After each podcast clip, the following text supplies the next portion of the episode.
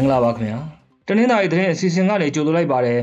ဒီအစီအစဉ်ကိုတော့ Watch Wine တော်သားတွေကစူးစီးတင်ဆက်ထားတာပါဒီနေ့တင်ဆက်ပေးမယ့်သတင်းတွေကတော့နေရက်စွန့်ခွာထွက်ပြေးနေရတဲ့စစ်ရှောင်းတွေကိုအခြေခံစားတော့ကုန်တွေလှူဒန်းတဲ့အကြောင်းငါမဖတ်ရရာသီမှာကမ်းဝေးလေတွေငါးခုဖမ်းနေတဲ့အခြေအနေ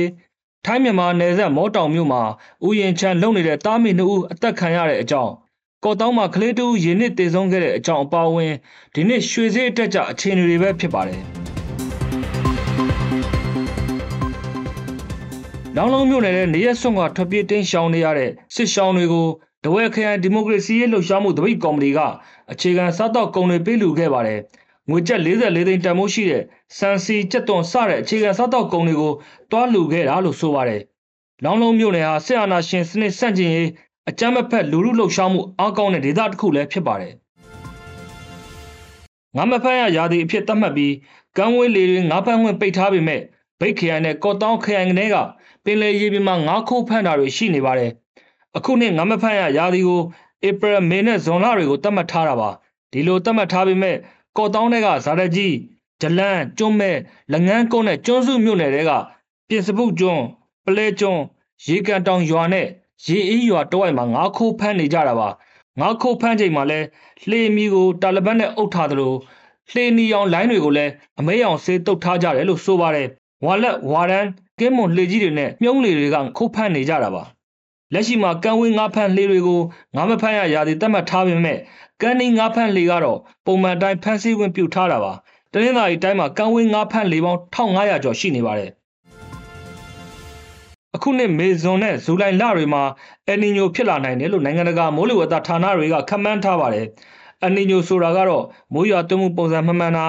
အပူရှိန်မြင့်မားတာနဲ့ မှုန်တိုင်းဖြစ်ပေါ်မှုမူမှန်တာစတဲ့အခြေအနေတွေဖြစ်ပေါ်စေတာလို့ဆိုပါတယ်။အယ်နီညိုဟာအစွန်းရောက်တဘာဝဘေးတစ်ခုဖြစ်ပြီးအလွန်ပူနွေးခြောက်သွေ့တဲ့ဖြစ်စဉ်တစ်ခုလို့ရေဘောအဖြစ်ပြောဆိုကြပါတယ်။မိုးရာသီဟာမေလ23ရက်နေ့ကနေမေလကုန်အတွင်းမြန်မာနိုင်ငံအတွင်းဝင်ရောက်နိုင်မှုရှိတယ်လို့ခန့်မှန်းထားကြပါတယ်။လာမယ့်အောက်တိုဘာလဆန်းမှာတော့မိုးရာသီကုန်ဆုံးပြီးမုတ်တုံဆုတ်ခေါ်ဝယ်ရှိတယ်လို့သိရပါတယ်။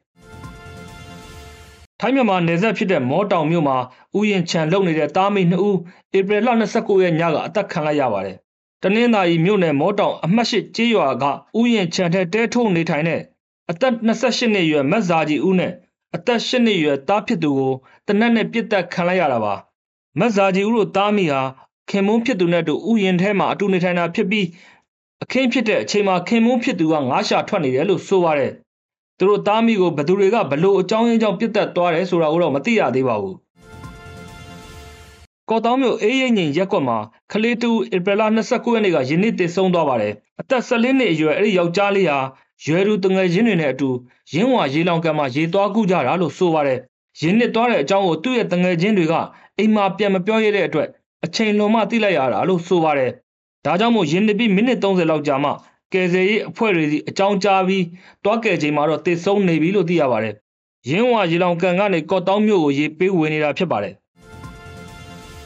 နောက်ဆုံးတစ်ပုတ်အနေနဲ့ရွှေစည်းနဲ့ထိုင်းဘက်စည်းအတက်ကြအခြေအနေကိုတင်ဆက်သွားပါမယ်။အခောက်ရွှေရဈေးတန်းအမြင့်မှာအတက်ကြမရှိငြိမ်နေပါတယ်။တဝက်ဈေးခွက်တဲ့အခောက်ရွှေတစ်ကြက်သားကို29သိန်း8000နဲ့ရောင်းချနေတာပါ။ဗတ်ဈေးကတော့ကြာအိပ်ပြနေပြီးထိုင်းငွေတစ်ပတ်ကို84ကျပ်နီးပါးဈေးဖွင့်ထားတာပါ။